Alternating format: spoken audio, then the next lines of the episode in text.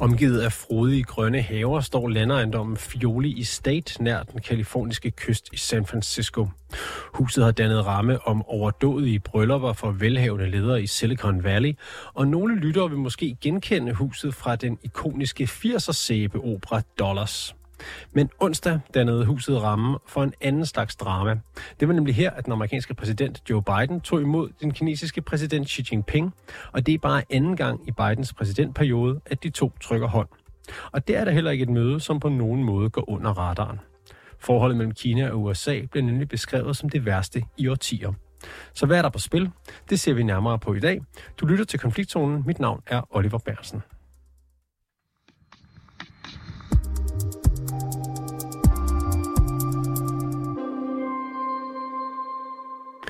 Lasse Karner, 24-7's Asian-korrespondent. Velkommen til programmet. Jo, tak. Den kinesiske præsident rejser til San Francisco på et tidspunkt, hvor forholdet mellem de to øh, ledere mildest talt er på frysepunktet. Hvorfor vil øh, Xi Jinping overhovedet mødes med Joe Biden? Generelt så tror jeg, man skal se sådan på det, at det her det er et møde, som de begge to faktisk har været interesseret i. Fordi der har været en masse rejseri frem og tilbage mellem Washington og Beijing de sidste mange måneder, det sidste halvårs tid faktisk. Men hvis man kigger på det fra kinesisk side, så er der flere gode grunde til at sige, at tilfreds med det her møde, det, det kommer i, i hus nu. Øhm, højt på listen står Taiwan. Det gør det nok altid, når, når amerikanske og kinesiske ledere de, de mødes. Men nu er det sådan, at, at Biden han er jo kommet til mere eller mindre bevidst nogle gange at sige nogle ting om, om USA's syn på, på Taiwan, som gør, at man i Beijing er blevet lidt utrygge ved, om USA stadigvæk holder sig til den et-Kina-politik, øh, som ligesom er et, det grundlæggende fundament for de her øh, bilaterale relationer mellem Kina og USA. Så det er at sige, at i hvert fald ønsker nogle helt klare garantier. Og det andet fokus, det er på, øh, på økonomien, hvor man fra kinesisk side gerne vil have, at at man måske kommer ind og får, øh, får bedre fat i nogle amerikanske investeringer og virksomheder, fordi den kinesiske økonomi ikke har det alt for godt lige for tiden. Og hvilke grunde øh, fylder mest for, øh, for Xi Jinping og den kinesiske regering lige nu? Ja, det gør de begge to, og dem jeg lige nævnte men jeg vil sige, at økonomien er meget, meget vigtig lige nu, fordi altså, man havde jo ligesom håbet på, og nok også forventet, at der vil komme et stort økonomisk opsving i Kina, efter at pandemien var over, og i stedet for har vi så set, at boligsektoren, som er en meget stor faktor, den har det endnu værre, end havde det før, og forbruget ligger meget lavt, og tilliden fra udenlandsk erhvervsliv er, er helt i bund.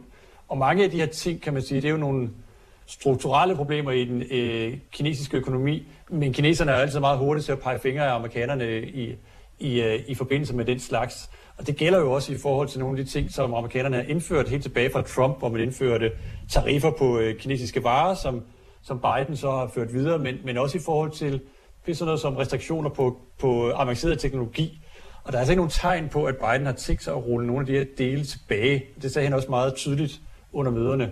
Så, så siger har gjort meget ud af at understrege, at en svækket kinesisk økonomi er noget skidt for Kina selvfølgelig, men også for USA og for verdensøkonomien. Og det så vi også ved, at han bagefter faktisk var ude at mødes med, med mange amerikanske virksomhedsledere, i, øh, i, til en stor middag, som blev holdt bag efterfølgende, hvor han var æresgæst, og den, der, der ligesom førte, førte ordet først og fremmest. Så, så det er virkelig noget, der, der fylder rigtig meget fra kinesisk side, fordi vi for første gang siden 90'erne faktisk har set nu her, at, at investorer og udenlandske investorer, de trækker flere penge ud af Kina, end der kommer ind. Og det er noget, der virkelig bekymrer den kinesiske ledelse. Du nævner jo Taiwan som, som et af knudepunkterne, eller hvad man siger, et af øh, problemerne. Øhm, og det var jo netop der, hvor øh, Nancy Pelosi øh, var på besøg i øh, sommeren 2022, da hun dengang var formand for repræsentanternes hus. Og øh, det øh, oprørte jo kineserne enormt meget og fik dem til at afbryde al militær kommunikation med øh, det amerikanske militær. Øhm, det har også været op at vende på, øh, på topmødet, ved jeg. Hvad, hvor, hvor stort et problem har det været? Ja, det har det, og det er jo så øh, et af de, øh, de positive punkter, kan man sige. Altså heldigvis så har et af resultaterne her været, at man er blevet enige om at genoptage de her direkte militære øh, kommunikationskanaler. Så der har man faktisk fået et øh, ikke uvæsentligt øh, flueben, man kan, man kan sætte på papiret. Og det er jo selvfølgelig relevant i forhold til Taiwan, men det er måske i lige så høj grad for tiden relevant i forhold til Filippinerne, hvor Kina og Filippinerne de ligger i en, en meget øh, bitter strid om nogle meget store havområder i det sydkinesiske hav og hvor, øh, hvor kineserne har den helt klare militære overhånd og, og bruger den militære muskelmagt til at presse Filippinerne i defensiven med vandkanoner og, og på andre måder. Og de her kinesiske tiltag, de er efterhånden på et øh, niveau, hvor de er faretroende tæt på at kunne aktivere den forsvarspagt, der er imellem USA og Filippinerne, som jo gør, at USA skal komme til undsætning, hvis det, hvis det står slemt nok til. Så her er det virkelig brug for nogle øh, meget klare kommunikations øh, for at, at kunne række ud til hinanden, så der ikke opstår nogle af de her meget farlige situationer, som vil kunne eskalere til noget, som, som vil kunne øh, komme helt ud af hænderne. Men der har Kina altså blødt lidt op i, og med, at man har indgået en aftale, eller hvordan skal man tolke den aftale, der er blevet indgået, set fra kinesisk øh, synspunkt? Altså man kan godt sige det sådan, at det er dem, der er blevet op, fordi øh, det, er jo, det er jo dem, der startede med at trække sig fra de her aftaler. Men jeg tror ikke, øh, jeg tror jeg heller ikke, man skal lægge alt for meget i det. Altså, man skal også huske på, at bare fordi der er de her kommunikationskanaler, så er det ikke ens med, at de altid virker. Fordi Filippinerne og Kina har faktisk også sådan en aftale. Og øh, problemet er bare, at det ikke altid er, at kineserne de tager telefonen. Det har der været, øh, det har der været flere eksempler på, at, at når det står stemt til, så, så er der ikke nogen i den anden ende af røret. Og, og det er jo, altså det, det man skal huske er, at det kineserne gør i, i de her territoriale stridigheder, det er jo, at de presser, fordi de ved, at de har overmagten. Og det, den usikkerhed, som det skaber, det er en del af strategien. Så, så det kan godt være, at nu har man nu fået de her kommunikationskanaler, og det er selvfølgelig positivt ting, men man skal jo bare ikke glemme, at kineserne er interesseret i at ændre status quo, og det er derfor, de gør det. Mm, ja, og det betyder jo heller ikke, som jeg hører dig sige det, at de her episoder vil stoppe fra kinesisk øh, hånd. Nej, altså der er ikke nogen, der er ikke nogen, der tyder på, at kineserne på nogen måde har tænkt sig at ændre deres krav i forhold til, hvad, de gerne vil, øh, vil opnå i øh, det sydkinesiske hav, i forhold til Taiwan, i forhold til Indien, i forhold til andre steder, hvor de har, har krav på, på nogle territorier, hvor det ligger nogle stridigheder. Så nej, der er ikke, der er ikke nogen tid på tegn på, at det ligesom ændrer deres øh, fremgangsmåde. I februar i år, der øh, blev der berettet om flere såkaldte spionballoner over amerikansk territorium, som ifølge amerikanerne kom fra Kina. Og de her balloner, de blev øh, skudt ned, men det skabte også store spændinger mellem de to lande. Øhm, er det noget, man tør tale om til sådan noget her? Om det lige præcis har været op er et godt spørgsmål. Det er ikke noget, der fylder så meget lige nu, men det gjorde det jo derfor for et halvt år siden, øh, fordi øh, at det, det betød, at den, det momentum, der ligesom var sidste gang, Xi og Biden de mødes, det, mødtes, det var på Bali til G20-topmøde, som fandt sted nogle måneder inden den her ballongate, som det bliver kaldt. Og det skabte noget, noget fremdrift, og det skabte noget, noget, noget enighed, at de her to ledere mødtes gang, og så blev det ligesom øh, bombarderet tilbage til start med, med den her ballonaffære. Og der, hvor vi så er nu, det er, at vi nærmest er tilbage til, til Bali, tilbage til de, de aftaler, man lavede dengang, og så forsøger man at, at bevæge sig i gang igen. Men det er jo også meget sigende, hvor lidt der skal til i forhold til, at, at den fremdrift og det momentum, der er, det bliver, det bliver øh, ligesom sat ud af kurs igen. Men selve den her ballongate, den er gået lidt i sig selv. Hvor langt øh, vurderer du, at øh, Xi Jinping er villig til at gå for at skabe et bedre forhold til, til Joe Biden og amerikanerne? Altså, jeg tror, der er ikke nogen tvivl om, at man fra kinesisk side er meget interesseret i at skrue ned for, for rivaliseringen. Man har også kunne se i kinesisk presse, i statspressen her de sidste par uger, at man virkelig har, har ændret meget på retorikken, hvor amerikanerne ellers plejer at være sådan lidt prygelknappe. Så der er virkelig blevet skruet op for den positive stemning.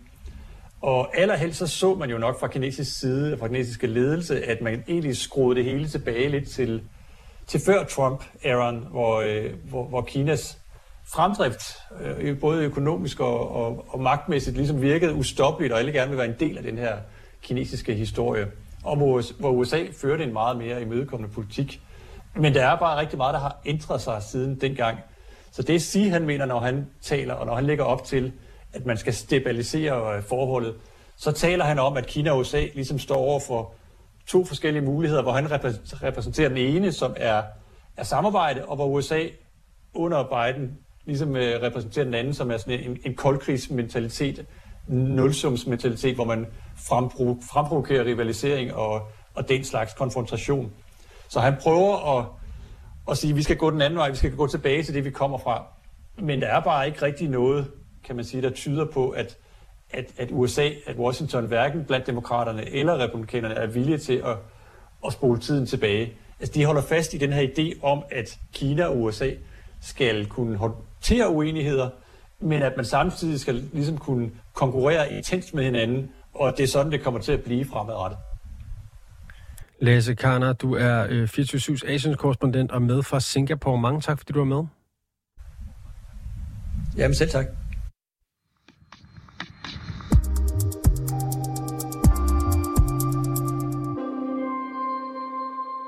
Rasmus Brun Pedersen, velkommen til programmet. Jo, tak skal du have.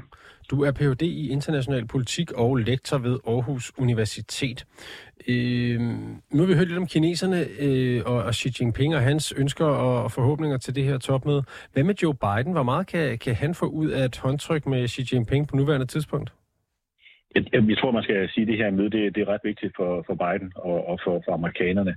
Øh, fordi man kan sige, det er, jo, det er et møde, vi har ventet lang tid på, øh, har, har skulle tage finde sted. Øh, der har været sådan forskellige øh, benspænd, hvor man egentlig har forsøgt at sætte noget op tidligere. Men der havde den her lidt klodsede sag med, med den her øh, spionballon, der, der blev skudt ned, og det er umuliggjort et møde. Så det har været lang tid undervejs. Øh, så det er vigtigt for Biden at få, få gennemført det her øh, møde. Ikke så meget måske på grund af indholdet, men mere på grund af sådan symbolværdien i, at man, man rent faktisk mødes. Og det her med også, at øh, Biden viser, at der er en kontakt igennem, og at øh, USA som kan man sige, den, den vestlige leder, øh, eller leder den vestlige alliance, har den her direkte forbindelse igennem til, til Xi. Så det er, det er et vigtigt møde, øh, at det finder sted i det hele taget for amerikanerne. Sidste gang Xi Jinping besøgte USA, så var det i Florida, hvor daværende præsident Donald Trump tog imod ham i Mar-a-Lago, hans, øh, hans palæ og øh, golfbane, golfresort, øh, med en stor pompøs menu og et møde, som Trump efterfølgende roste til skyerne. Hvordan, øh, hvordan er banen kridtet op den her gang? Hvordan er forholdet anderledes mellem USA og Kina? Ja, altså man kan sige, at rammerne er jo, er jo for det første anderledes øh, den her gang, øh, og på den måde virker det mere, lidt mere om sådan et klassisk statsbesøg ikke, i forhold til, at man mødes på, på neutral grund. Men man kan sige, at hvis man skal tage par parallellen, jamen, så, så det sidste topmøde, der var, det var tilbage i 2017 ikke, mellem, mellem Trump og, og, og Xi. Og, og forholdet dengang var også øh, sådan anspændt og, og dårligt. Altså det har det været i rigtig, rigtig mange år. Øh, dengang der kom øh, mødet sådan i relation til den her handelskrig, øh, som, som kørte, som, som Trump havde, havde i gang sat imod kineserne, og var sådan et forsøg på at tage, tage dampen ud eller få, for, få nedspændt øh, situationen. Øh, I dag er der også en, en rivalisering stadigvæk, og den er jo strukturelt betinget, men noget af det, vi ser i dag, jamen, det er, at den konflikt, der er, det er endnu mere tydeligt i forhold til, til Taiwan, Øh, og så en lang række andre øh, sikkerhedspolitiske og, kon- konflikter, hvor, hvor Kina og USA til dels har modsatrettet interesse. Så der er jo nogle paralleller i forhold til, at det er en, en, en, øh, en kontekst af, at der er en, øh, en konflikt og en rivalisering, ikke? men det er jo også et, et forsøg på måske at tage, tage dampen lidt ud af den her øh, tryghed, øh, som der er i øjeblikket. Ja, for der bliver jo ført en politik fra, fra Bidens øh, side, hvor Kina er den, øh, hvis ikke store modstander, så i hvert fald store konkurrent, og, og man forsøger sådan at inddæmme øh, kinesisk indflydelse, både økonomisk og teknologisk. Øh, hvordan har det farvet forholdet mellem de to lande? Ja, altså man kan sige, det der jo er, er kommet frem på bordet øh, de sidste par år, øh, det er jo den her meget tydelige erklæring af, at man, man er det, man kalder strukturelle rivaler i international politik. Og det dækker over at, at man er sådan hovedmodstanderne, det er de, de to, altså Kina og USA, der er sådan øh, supermagterne, og det vil sige, de er i, i en konkurrence. Det, det er sådan helt ud øh, frem på bordet. Øh, så man kan sige, det er jo den kontekst af, at man har en rivalisering. Men, men noget af det, der er vigtigt, og som vi også kender tilbage fra, fra diplomatiet under den kolde krig, det er, at man måske godt kan sige, at vi har en rivalisering, men det er også vigtigt, at man kan kommunikere, man kan snakke sammen, fordi begge parter også har nogle interesser i, at man ikke får øh, lavet fejl, og laver miskommunikation og misforstår hinandens linjer eller hensigter. Så derfor er det vigtigt at have det her gennembrud med, at man har et, et, øh, et møde på, på topniveau, sådan at man kan, øh, så at sige, få, få øh, altså, have en direkte telefonforbindelse igennem, øh, som man har nogen at ringe til, og så samtidig altså også have nogle, nogle muligheder for at kunne diskutere emner, hvor man trods alt måske kunne have, have fælles interesser, eksempelvis noget omkring øh, klimasamarbejde og kunstig intelligens, som har været fremme. Altså bløde emner, som man kan finde samarbejde på, og som måske kan være med til at facilitere en form for afspænding. Biden han har udtalt følgende om møde i San Francisco. Han siger, citat, vi prøver ikke at adskille os fra Kina. Det vi prøver er at gøre forholdet bedre, citat slut. Øh, altså kommer, kommer Biden til at bløde op for, øh, for den her måske sådan lidt kompetitive hårde linje, han ellers har kørt over for Kina? Nej, det, det tror jeg faktisk ikke. Øh, jeg, jeg tror ikke, at der kommer en, en egentlig afspænding i, øh, i relationen, og det hænger simpelthen sammen med, at, at der er så meget rivalisering i, i det asiatiske område i øjeblikket. Øh, men, men der er brug for øh, måske at få, kan man sige, den her rivalisering ind i nogle øh, lidt mere civiliserede rammer, altså fordi der, der foregår rigtig meget i det, det sydkinesiske hav, specielt, men også omkring Taiwan, hvor, hvor der foregår alle mulige konflikter, og det er jo det, der nok er behov for på begge sider, det er på en eller anden måde at få en kontrol over den her rivalisering, altså så det kommer i en lidt mere ordnet rammer. Og der er det altså vigtigt det her med, at man, man får et hul igennem, man har nogen at snakke med, øh, og det er jo noget, som, som amerikanerne lærte i deres udenrigspolitik tilbage i Kuba-krisen, øh, hvor man var meget tæt på, på, på atomkrig, øh, øh, hvor det simpelthen var afgørende det her med, at man, man havde et hul igennem, og man havde nogen at snakke med for at kunne forklare, hvad der, hvad der foregår. Så, så det er, jeg tror ikke, det kommer til at, at ændre linjen ret meget, men jeg tror, at noget af det, der kan gøre, det er, at det kan afbøde de der potentielle risici og fejl, der kan være ved, ved balancering, så at balancering og, af, og afskrækning netop bliver afskrækning, og det man ikke går over de der røde linjer, der, der kunne eksistere. Ja, øh, de røde linjer, der kunne eksistere, altså, altså ting, der gør, at man kommer til, til at skyde på hinanden frem for at, at snakke sammen, eller måske sådan øh, markere, ja. eller man skal sige. Men, men vi, hører, øh, vi hørte lige før fra Lasse Karner, at selvom at man nu har haft det her gennembrud ved topmødet om at, øh, at få genoptaget militær til militær kommunikation, altså at de to øh, væbnede styrker, de taler med hinanden, sådan så at mm, de øh, har lidt bedre styr på, hvad hensigterne er fra, fra modstanderen, og det ikke kommer til uheld i det sydkinesiske hav for eksempel, så siger Lasse Karner, han regner ikke med, at det, det er der nok ikke så mange, der gør, at kineserne vil holde op med at, at fare frem med territoriale krav derovre. Altså, så, så kan du prøve at sætte nogle ord på det her med, på den ene side, så snakker man om, at, øh, at, at man skal blive bedre til at, at kommunikere, og på den anden side, så er der vel ikke så mange, der forventer, at, at hvad skal man sige, at stemningen bliver bedre i det sydkinesiske hav, og, og Kina bliver mindre øh, sådan øh, fremfarende over for sine naboer? Nej, altså jeg, jeg, jeg tror, kan man sige, grundlæggende strategiske spil og, og modsætningsforholdet, det ligger, det ligger nogenlunde fast, og, og det har det gjort før mødet, og det vil det også gøre øh, efter mødet. Øh, så man kan sige, jeg tror egentlig ikke, øh, altså dynamikken i konflikten, i rivaliseringen, ændrer egentlig ikke karakter. Men det, man kan bruge sådan et, et møde her til netop, det er at, at, at sikre sig for begge parter. Øh, fordi det, der jo også er det interessante ved de her afs, altså afskrækninger, den her deterrence, som man hedder, balancering af hinanden, inddæmning, det er netop, at, at det er en, en balancering, og det er en inddæmning, som, som er defensiv for begge parter. Men i det øjeblik, at man kommer til at lave en fejl, altså netop det, man kommer til at skyde fly ned, eller man kommer til at sejle et skib sejle ind i et andet, altså så er det vigtigt at kunne forklare, at det var, det var et uheld, øh, eller det var ikke hensigten, eller vi laver en militærøvelse i det her område, øh, så I skal ikke være bange, det kommer på det og det tidspunkt, at vi gør det og det, vi skyder med så og så meget artilleri jamen så, så ved man det. Og så mm. kan man tage det ind i sin kalkyle, så at man ikke kommer ind i sådan en, en, en, en spiral. Så, så det er sådan en, en måde at regulere det, man kalder sådan et sikkerhedsdilemma på, øh, ved at have de her møder, have kommunikation for at kunne afbøde nogle af de der øh, risici. Og det er det, vi ser konturen af nu, altså hvor man, man, man åbner op for, at man kan have de her øh, mere direkte dialoger. Du nævner et topmøde i 2017, og så var der øh, Trump, der havde besøg af, af Xi.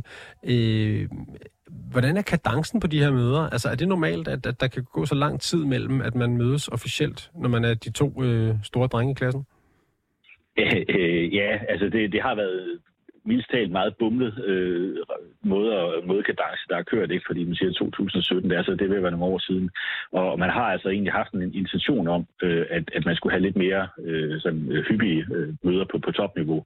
Men, men der har altså været øh, en lang række diplomatiske kriser, og så den her eksempelvis nedskydning af den her spionballon, øh, som var meget kontroversiel i amerikansk indrigspolitik, som simpelthen umuliggjorde, at en amerikansk præsident kunne sætte sig med en kinesisk præsident. Men der har været masser af møder på øh, udenrigsministerniveau og på kan man sige, øh, på, på lavere niveau, altså viceudenrigsministermøder og på embedsmandsniveau, så er det ikke fordi, der ikke er, kommunikation. Men, men det her med, når præsidenterne mødes, det, det har en meget klar øh, symbolværdi i forhold til, at så, så det bliver taget på topniveau.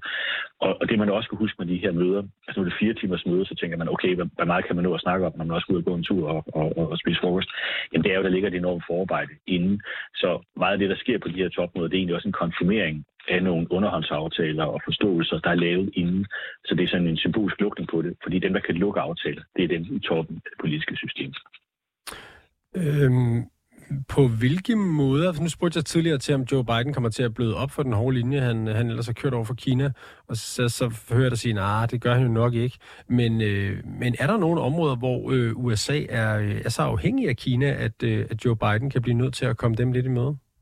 Ja, og det er jo det, der er så interessant i hvert fald for, for mit stol øh, i forhold til den rivalisering, øh, vi ser mellem øh, Kina og USA øh, i dag.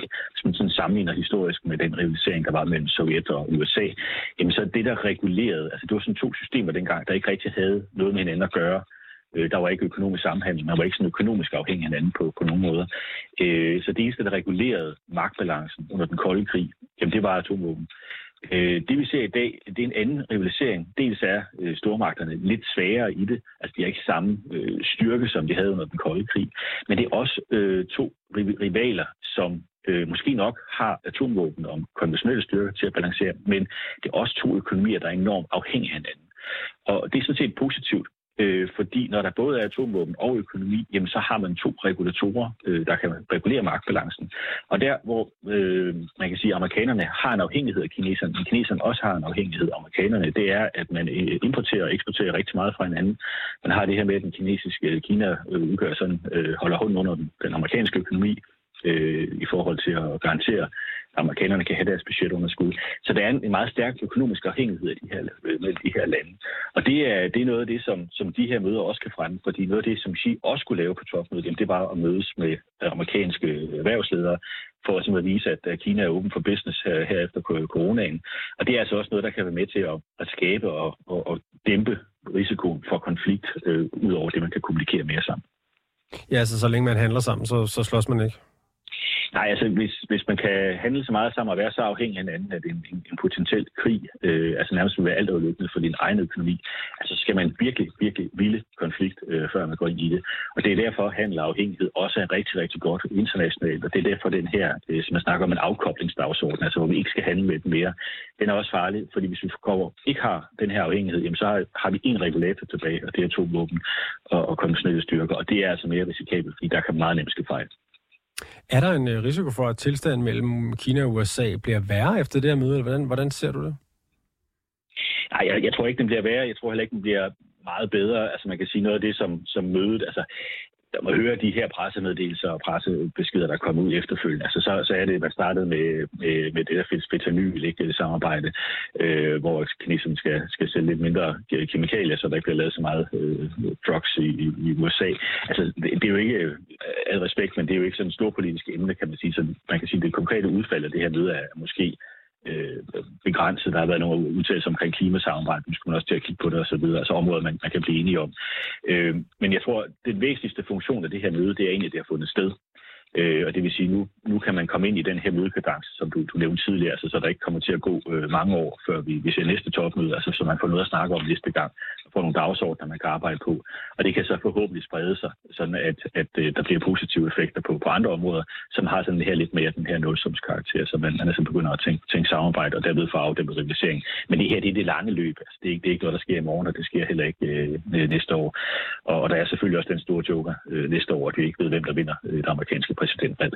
Så spænding, altså situationen er stadigvæk spændt, men, men nu er der et øh, hul igennem, og, og der er forhåbning om, at man kan komme til at samarbejde på nogle bløde områder, hvor man kan have fælles interesser, i stedet for det kun er den hårde sikkerhedspolitik, der dominerer. Mm, ja, det, og det du nævner, fentanyl, det, det er jo det, et, et kraftigt opioid, som volder amerikanerne store problemer, fordi de har nogle, en, en del befolkningen, som, som døjer med, med det her opioidmisbrug, og, og kemikalierne til at fremstille det, eller fentanyl i sig selv, kommer øh, fra Kina. Øhm, og det har man så øh, lavet en aftale om at forsøge at begrænse på en eller anden måde. Men, men det er vel stadig i, i Lilleput-afdelingen i forhold til aftaler, som du også selv er inde på. Altså, det, det, man, man, altså, der er vel ikke sket noget sådan øh, nævneværdigt på, på sikkerhedspolitikken i det sydkinesiske hav, eller forholdet til Taiwan, eller sådan nogle ting?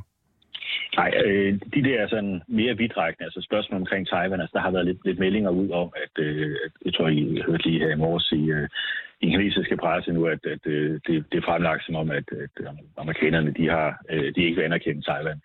Øh, og det, det tror jeg, der er lidt andet syn på øh, hos, hos amerikanerne, og Biden var også ud og kalde ham en diktator osv. Så, videre. så nej, altså, der, der har ikke været nogen sådan større øh, konklusioner, i hvert fald ikke officielt på det her møde, som, som man kan bruge til noget andet end, at, at man kan sige, at man har fået et øh, redskab, netop i forhold til det her med de her direkte telefonlinjer, som kan, kan tage dampen ud af, af trygheden i forhold til, at man, man, man måske kan deskalere øh, potentielle konflikter. Men de der grundlæggende spørgsmål, de der grundlæggende uenigheder, jamen, det får man ikke løst. Har den der strukturelle karakter. Altså det er en rising power, det er en stat på vej op, amerikanerne forsøger at bevare deres kontrol det er klart, den, den deling af verden, den, den, den kan man jo ikke lave på, på sådan et møde her øh, på fire timer. Men, men, men så det er den, den bløde afdeling, det er sådan et procesmøde, kan man sige, for der kan, der kan åbne dagsordner øh, videre fra. Mm. Ja, og på den helt lange bane har de måske heller ikke lyst til at, til at lave den aftale, fordi deres interesser er som, som modstridende. Ja, det er det, det, der også er, er, er spillet. Men noget, noget af det, der er interessant med, med Taiwan, det er jo også, altså, kan man sige, den her status quo, der er nu, altså hvor, hvor Taiwan jo de facto er selvstændig. Amerikanerne er militært sted afskrækker kineserne i et vis omfang. Altså den, den kan USA og Thailand måske godt leve med øh, i, i vis omfang. Det, men det spørgsmål er, hvor, hvor spiseligt det er for, for, for kineserne, fordi kineserne har også en ret markant melding om, at, at uh, Taiwan skal ind. Så bare det, set fra amerikansk perspektiv, at man kan bevare status quo, altså den nuværende mm. situation, mm. det er faktisk også en lille sejr i forhold til at skulle give indrømmelser, øh, der, kunne, der kunne skubbe, øh, så at sige, lave en ny status quo øh, til der på kineserne. Så nogle gange, at det er et udfald af et møde, der ikke sker noget. Det er jo sådan set også en succes, øh, og det er jo sådan en af de ting, man ikke glemmer også. Ja, det er rigtigt. Ja, vi har tidligere her i programmet øh, øh, behandlet, hvordan øh, Xi har bedt sine generaler om at lave invasionsplaner af Taiwan, som skulle kunne føres ud i, jeg mener, det var 2027. Det er jo også en lidt interessant situation, at du har amerikanerne, som beskytter det, og kineserne, som åbenlyst pynser på at, at indlemme det. Og så alligevel har du to landes øh, ledere, som mødes og spiser frokost sammen. Ja, ja, og det er det, der, der er så specielt ved de her typer realiseringer, fordi man kan godt være, være altså hvis man skal lave måske en dårlig sammenligning. Altså, det minder lidt om det, vi også kender i fodbold, hvor vi også ser en rivalisering mellem Barcelona og Real Madrid, som er benhård, både på og på banen, men derfor kan man godt øh, en gang imellem sætte sig ned og, og, og mødes civiliseret og diskutere tingene. Man må også diskutere rammerne for ens øh, rivalisering, altså hvad er det, man må, hvad er man ikke må, når man køber øh, en spiller hos hinanden og så videre. Altså, så det, det er jo en måde at gøre den her rivalisering lidt mere sådan, civiliseret, hvis man kan sige det på, at få det ind i, i normale baner, i stedet for at det bliver den her øh, super hårde konfrontation. Og, og, og lige til sidst, øh, Rasmus Brun Pedersen, er det, er det, nu siger du, at en, man skal huske, at det også skal være en succes ved det her møde, at, at det bare finder sted, og der ikke øh, sker så meget. Altså, så, så har mødet, øh, været, det er jo selvfølgelig kort tid efter nu at vurdere det ud fra, men har, mener du, at mødet har været en succes eller ej? Men ja, personligt synes jeg, det er altid godt, når, når, når de store magter øh, kan tale sammen og kan mødes ansigt til ansigt. Øh, så, så bare det, at netop at det finder sted, synes jeg faktisk er, er en succes, fordi der ikke har været en eller anden øh, tåbelig øh, begivenhed, som har, har, har skubbet det her. Altså ret beset, hvad den her, altså vi ved jo alle sammen, at øh, de her lande spionerer mod hinanden.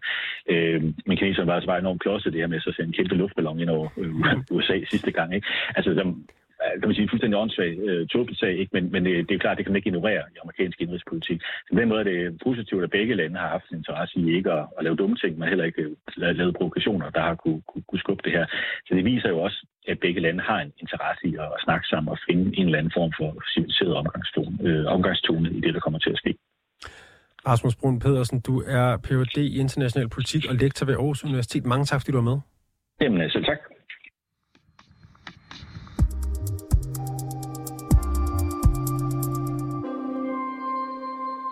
Du har lyttet til dagens afsnit af Konfliktzonen 24-7's udenrigsmagasin. Jeg hedder Oliver Bernsen, Samuel Kro Larsen produceret og Sofie Ørts er redaktør. Du kan lytte til programmet direkte mandag til torsdag fra 8 til 8.30, men du kan også finde det som podcast.